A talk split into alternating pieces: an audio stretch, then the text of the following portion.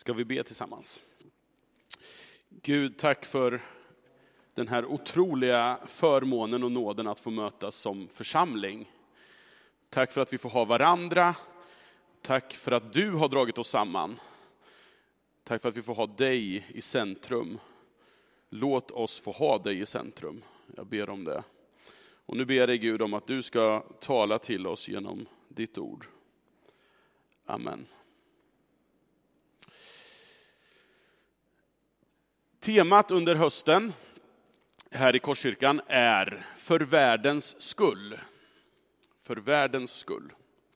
Vi tror nämligen att Gud älskar den här världen och är oerhört angelägen om att den här världen ska få se hans kärlek till världen. Och vi tror att församlingen, vi som möts och samlas kring evangeliet om Jesus, också har en unik roll i detta att förmedla Guds kärlek till världen.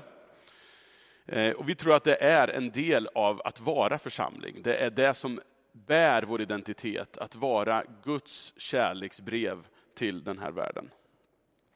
Och vi har lyft fram olika saker som vi i församlingen gör. Vi har tittat på gudstjänsten, nattvarden. Vi har funderat kring det här att ha barnen i fokus i vår gemenskap.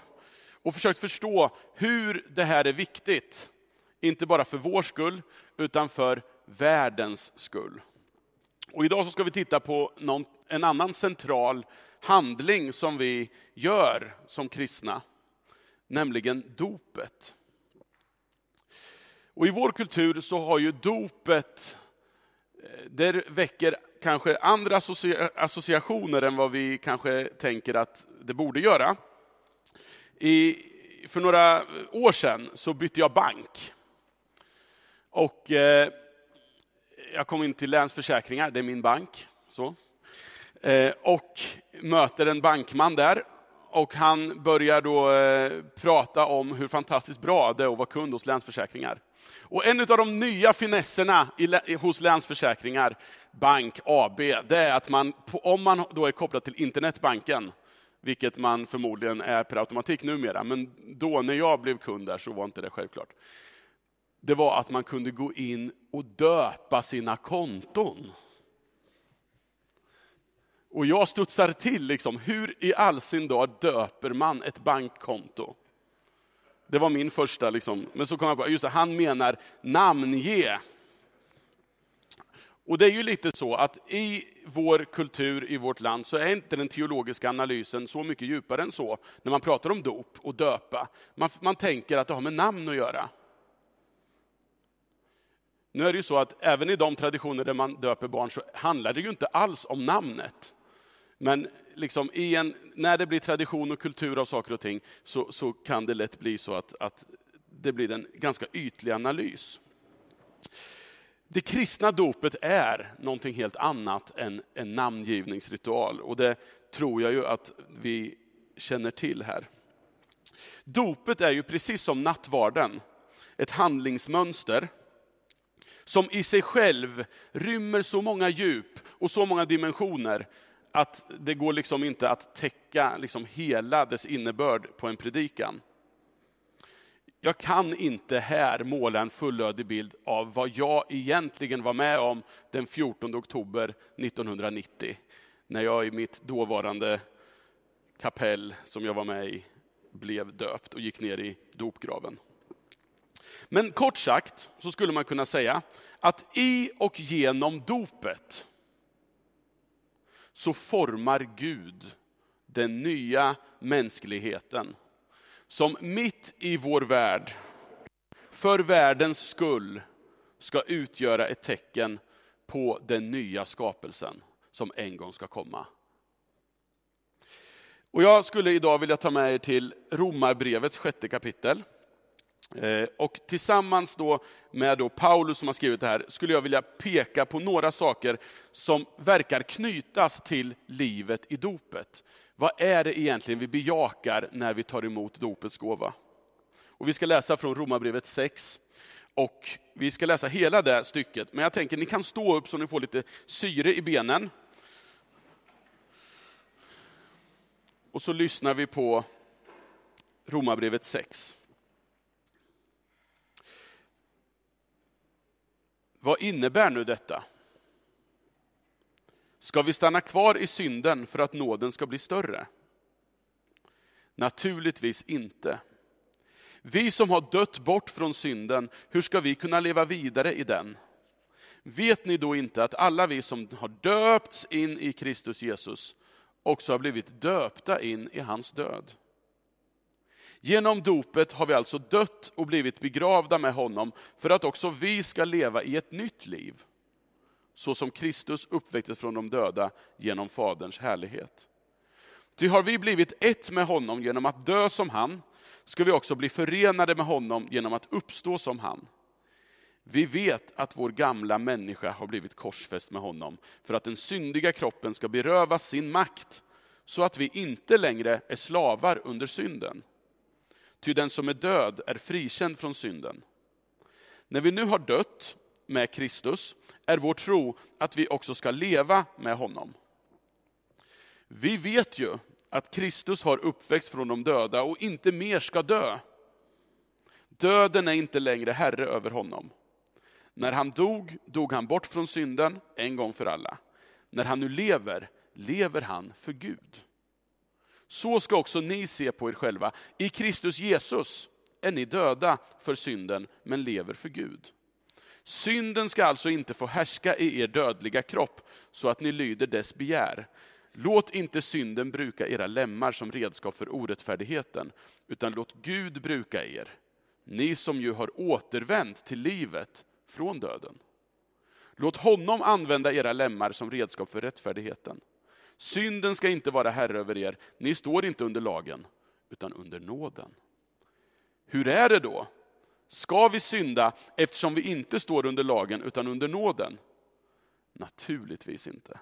Ni vet ju att om ni gör er till slavar under någon och lyder honom, då är ni slavar under den ni lyder. Antingen under synden, vilket för till döden, eller under den lydnad som för till rättfärdighet. Men Gud vare tack, ni var slavar under synden, men valde att av hela ert hjärta lyda den lära som ni blivit införda i. Och när ni då gjordes fria från synden blev ni slavar under rättfärdigheten. Jag väljer en mänsklig bild med tanke på er mänskliga otillräcklighet.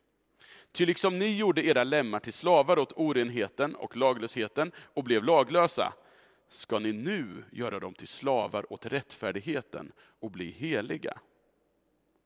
När ni var slavar under synden stod ni fria gentemot rättfärdigheten. Vad gav det för frukt?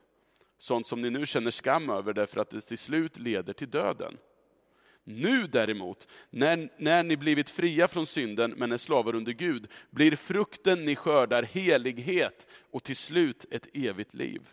Syndens lön är döden, men Guds gåva är evigt liv i Kristus Jesus, vår Herre. Varsågod och sitt.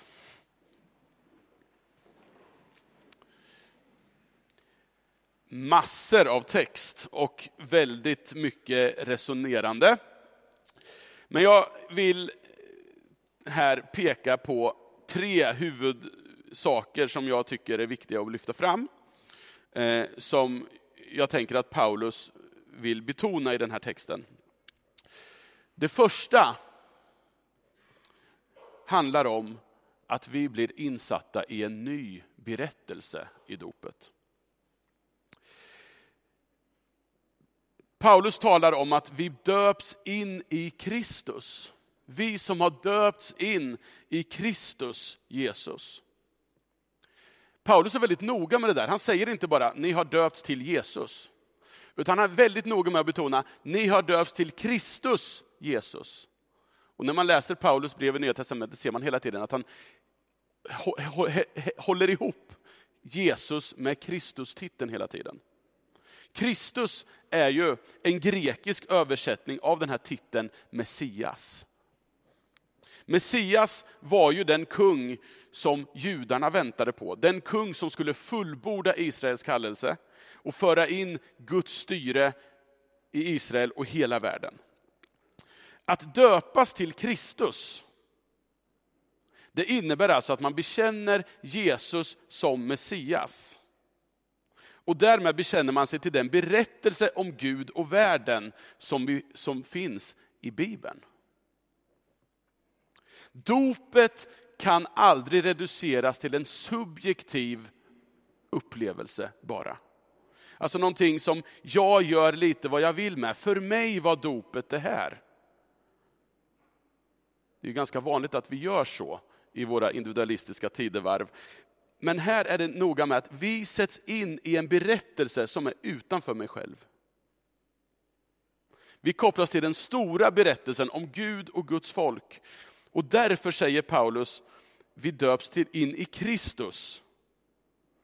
Den titel som kopplar Jesus till den här stora berättelsen. Vi kan nämligen inte koppla bort Jesus från den berättelsen. Hela hans liv, hans undervisning, hans handlingar, hans död och uppståndelse. Allt blir fullständigt obegripligt om vi inte har med helheten.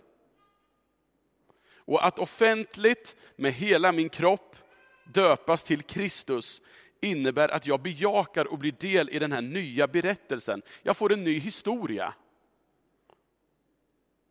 Det är liksom inte, det är inte min Jesus, så som jag, det jag gör honom till, som jag bekänner mig till i dopet. Utan jag bekänner mig till evangeliernas Jesus.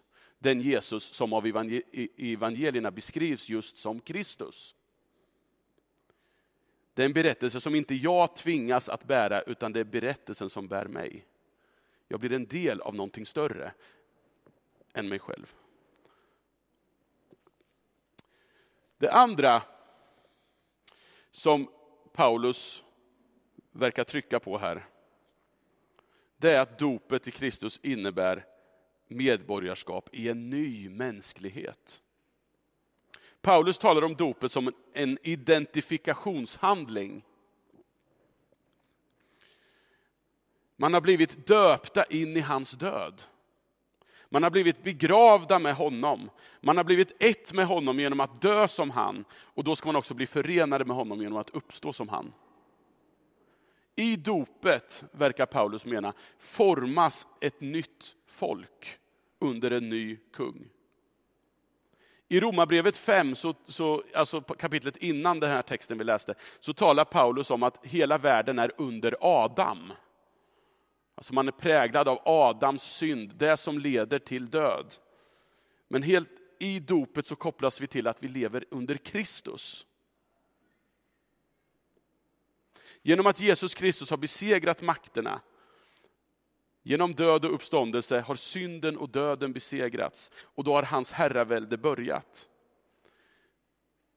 Identiteten som vi förut hade i Adam har i Kristus blivit korsfäst och det här har vi bejakat genom att låta döpas.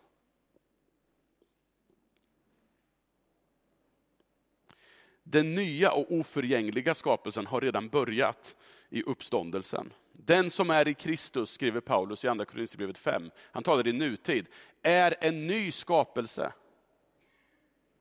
Redan nu.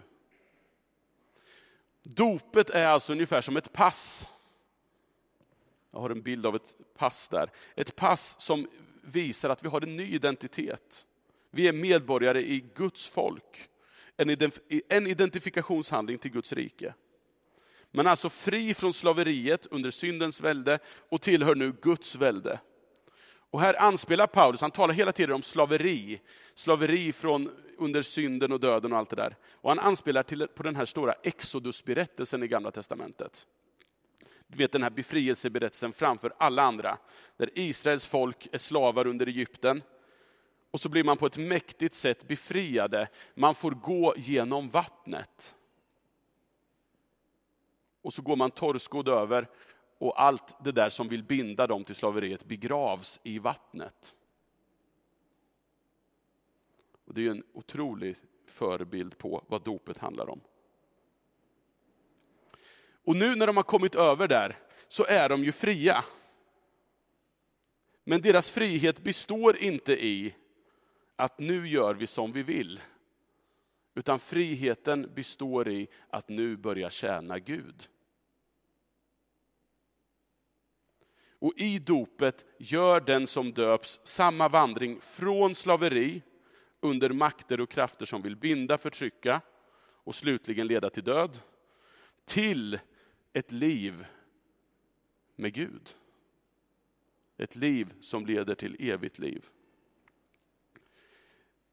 Men det här är ju en, en brottning för oss och ofta kanske vi, vi gör som den här seriestrippen här eh, indikerar. Well Charles, when I baptize you, alltså okej okay, Charles, när jag nu döper dig så kommer allting som hamnar under vattnet kommer att liksom tillhöra Gud. Och så ser vi hur, hur dopobjektet här håller upp plånboken. För den ska, han in, den ska han få bestämma själv över. Och lite så där fungerar det ju med oss. Alltså vi tror att vi bestämmer bäst själva. Vi blir gärna befriade från det som är jobbigt och tungt och så. Men vi vill gärna definiera vår frihet själva. Men här talas det om något annat. Vår frihet får vi först när vi ger oss själva till Gud. En ny identitet med ett nytt pass är alltså verkligt. Vi har så att säga dubbelt medborgarskap.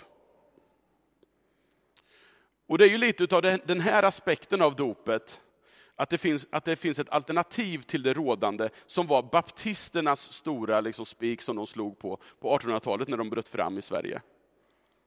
För i Sverige så var ju historiskt sett dopet i stort sett detsamma som att bli upptagen som medborgare i Sverige. Dopet stod inte för någonting nytt, utan snarare ett bevarande av det som var. Och Det var i konfrontation med en sån ordning som baptismen, det som är den här församlingens rötter och tradition, växte fram på 1800-talet, där man förstod, förstod att Guds rike och det här med församling, det är ett alternativ till det rådande. Och så började man praktisera troendedop för att markera ingången i det här alternativet. I Kristus och i Sverige, det var inte samma sak. Utan att vara i Kristus, det var ett alternativ till det andra. Man var en ny mänsklighet där sånt som nationell identitet snarare överskrids än befästs. Det läste vi inledningsordet här. Nu är ingen längre jude eller grek. För de här förfäderna så var dopets innebörd så viktigt att man var beredd att betala priset för det. Det var många som drabbades av landsförvisning och fängelse. Det är inte mer än 150 år sedan det här. Och Det här är ett arv som stämmer till eftertanke. För oavsett hur vi är döpta, för jag vet här att vi, vi, vi har olika bakgrund när det gäller dop. Men oavsett hur vi är döpta, hur viktigt är den här identiteten i dopet för oss? Det får vi fundera på. Det tredje som jag skulle vilja peka på, och de här går ju lite om lott, det, det är liksom att vi blir döpta in i ett nytt liv. Församlingen i Rom, vill ju Paulus betona här, utgör en ny typ av mänsklighet som lever efter en ny ordning. Och den här nya ordningen lever man ut mitt i en tillvaro där den gamla Adam-ordningen fortfarande existerar. Men vad innebär då den här nya ordningen? Vad innebär det här livet? På två ställen i kapitel 6 så beskrivs att det här livet i dopet är ett evigt liv. Syndens lön är döden, men Guds gåva är evigt liv i Kristus Jesus, skriver Paulus. Vad menas med evigt liv? Om jag frågar er den frågan så tror jag att, och jag själv också, tänker att ja, det är ett liv som aldrig tar slut. Vi tänker att det är ett tidsbegrepp. Men evigt liv som det talas om här och i hela Nya Testamentet rymmer mer än bara en tidsaspekt. Och nu ska jag visa en bild som jag brukar visa, jag kanske har visat den här också. Judarna tänkte sig historien i två tidsåldrar. Den nuvarande, den som är markerad vitt här, den gamla tidsåldern. Och den nya tidsåldern, Guds rike, den kommande. Och de här tidsåldrarna, tänkte man sig, skildes åt av Herrens dag. En dag i framtiden då Gud skulle döma ondskan och föra in fred och rättfärdighet i världen. Och det här skulle ske genom Messias, genom Kristus. Och ordet som översatts evigt här betyder egentligen någonting i stil med tidsåldrigt. Alltså, och syftar egentligen på livet från den kommande tidsåldern. Det som ska komma. Det handlar, det handlar om tid. Men det handlar också om en kvalitet på hur det livet är. Det handlar om försoning, det handlar om rättvisa, det handlar om kärlek, det handlar om fred. Så när Paulus talar om det nya livet som han döpts in i, så säger han att den nya tidsåldern, det eviga livet, redan nu är här. Mitt i den romerska värld där kejsaren tror sig vara Gud och väldigt mycket till synes verkar vara som vanligt. Mitt i Norrköping där väldigt mycket är, inte är som det ska. Har den nya tidsåldern genom Jesus Kristus brutit in och blivit tillgänglig för den som tror. Och i dopet så har man redan nu bejakat det. Det livet, det uppståndelsens liv, för att redan nu vittna om den ordning som en dag kommer att bryta ut fullt ut. Så tidsåldrarna verkar alltså överlappa varandra här. Så i Nya Testamentet så är det som att Herrens dag har blivit utsträckt. Men Jesus kom och införde det där nya och sen en dag kommer han igen. Och då kommer det fullt ut att råda den här nya tidsåldern, det eviga livet. I första Thessalonikerbrevet 5 så talar samme Paulus om de kristna som dagens söner. Alltså trots att det är natt så lever de kristna som att det är dag. Man kallas att föregripa det som ska komma. I Jesus har vi den bästa förebilden av hur det eviga livet ser ut. Det livet är därför inte enbart någonting som vi kommer att få del av senare, på andra sidan graven, utan det är en realitet här och nu. Paulus frågar ju retoriskt, ska vi stanna kvar i synden för att nåden ska bli större? Det är en retorisk fråga, för för honom så är ett sådant resonemang lika korkat som att säga, ska vi, ska vi prata franska fast vi är i Sverige? Det är klart att vi ska prata svenska, vi får prata svenska här för vi är i Sverige. Är ni med?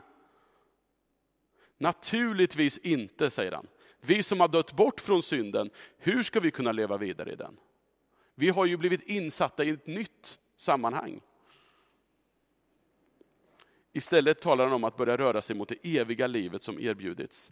Nu har ni blivit fria från synden, men är slavar under Gud.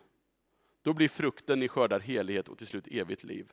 Syndens lön, alltså den gamla tidsålderns lön, är döden, men Guds gåva är evigt liv i Kristus Jesus, vår Herre.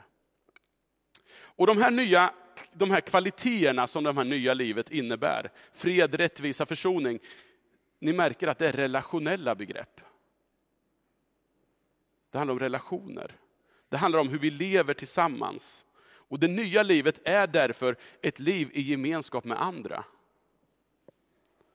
Senare i Romarbrevet talar Paulus om församlingen som Kristi kropp, satt i världen för att förkunna och leva ut evangeliet.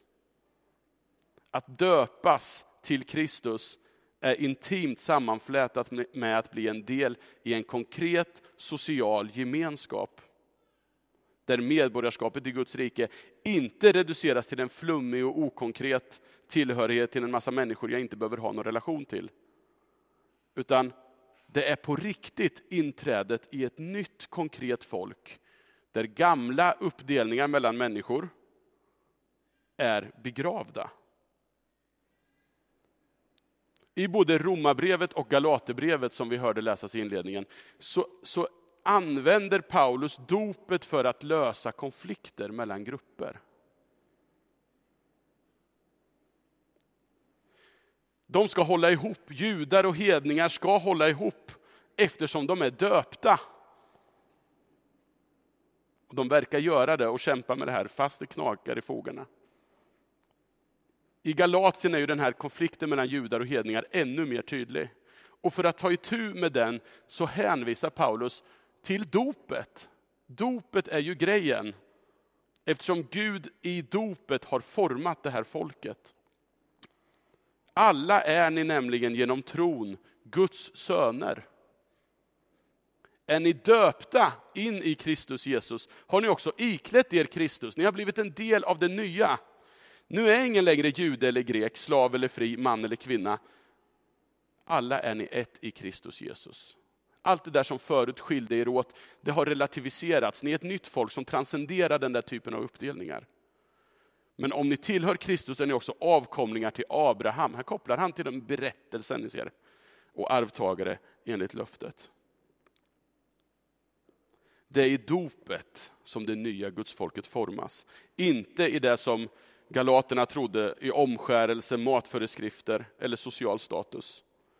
Det är i dopet som det gamla begravs och den nya tidsåldern är ett faktum genom tro. Och Det här tar sig uttryck i en konkret social gemenskap som i sitt konkreta liv, det som vi läste om här, det som Mattias läste om i den här krönikan. Vad är det för någonting? Jo, det är det nya livet. Människor som annars aldrig skulle mötas, möts, lär känna varandra, knyter relationer. Och därför är det så viktigt, och det är ett uttryck för vår döpta identitet, att vi fortsätter jobba med integrationen i den här församlingen. Att vi fortsätter jobba med interaktion mellan språkgrupper, åldersgrupper och andra intressegrupper i gemenskapen. För den här strävan, det är en del av vår nya identitet. Det är inget vi kan välja egentligen. Utan vi är döpta och alltså är vi givna till varandra. Så låt oss fortsätta kämpa för det här. Redan nu får vi träna inför det som kommer. Alltså, vi blev insatta i den stora berättelsen om Gud och världen den dag vi döptes. I dopet till Kristus blev vi befriade till ett nytt medborgarskap, i en ny mänsklighet, inom vilken allt det som vi delar upp människor i vi och dem är begravt i vatten. I dopet i Kristus har vi döpts till ett nytt liv. Vi har döpts till att leva tillsammans i en konkret gemenskap, Korskyrkan. Med människor av kött och blod. För världens skull, för att man ska se, det finns ett alternativt sätt att relatera till varandra. Och dopet är oss givet för världens skull, som ett förebådande om att Gud, det Gud gjorde med det här folket, Israels folk och förde dem genom vatten till frihet. Det Gud gör med, med oss i dopet, det vill Gud göra med hela den här skapelsen. Därför är dopet så oerhört viktigt. Vi ber. Tack Gud för att du har gett oss dopets gåva. Tack för det du har gjort med oss. Du har fört oss samman med dig. Du har satt in oss i en ny berättelse och vi får vara en del av en ny mänsklighet. Trots att det är så mycket som är som vanligt så är vi insatta i det nya. Tillsammans med dig genom din andes kraft. Tack Gud för att du vill ge oss kraft att ge oss att leva det nya livet och gestalta det.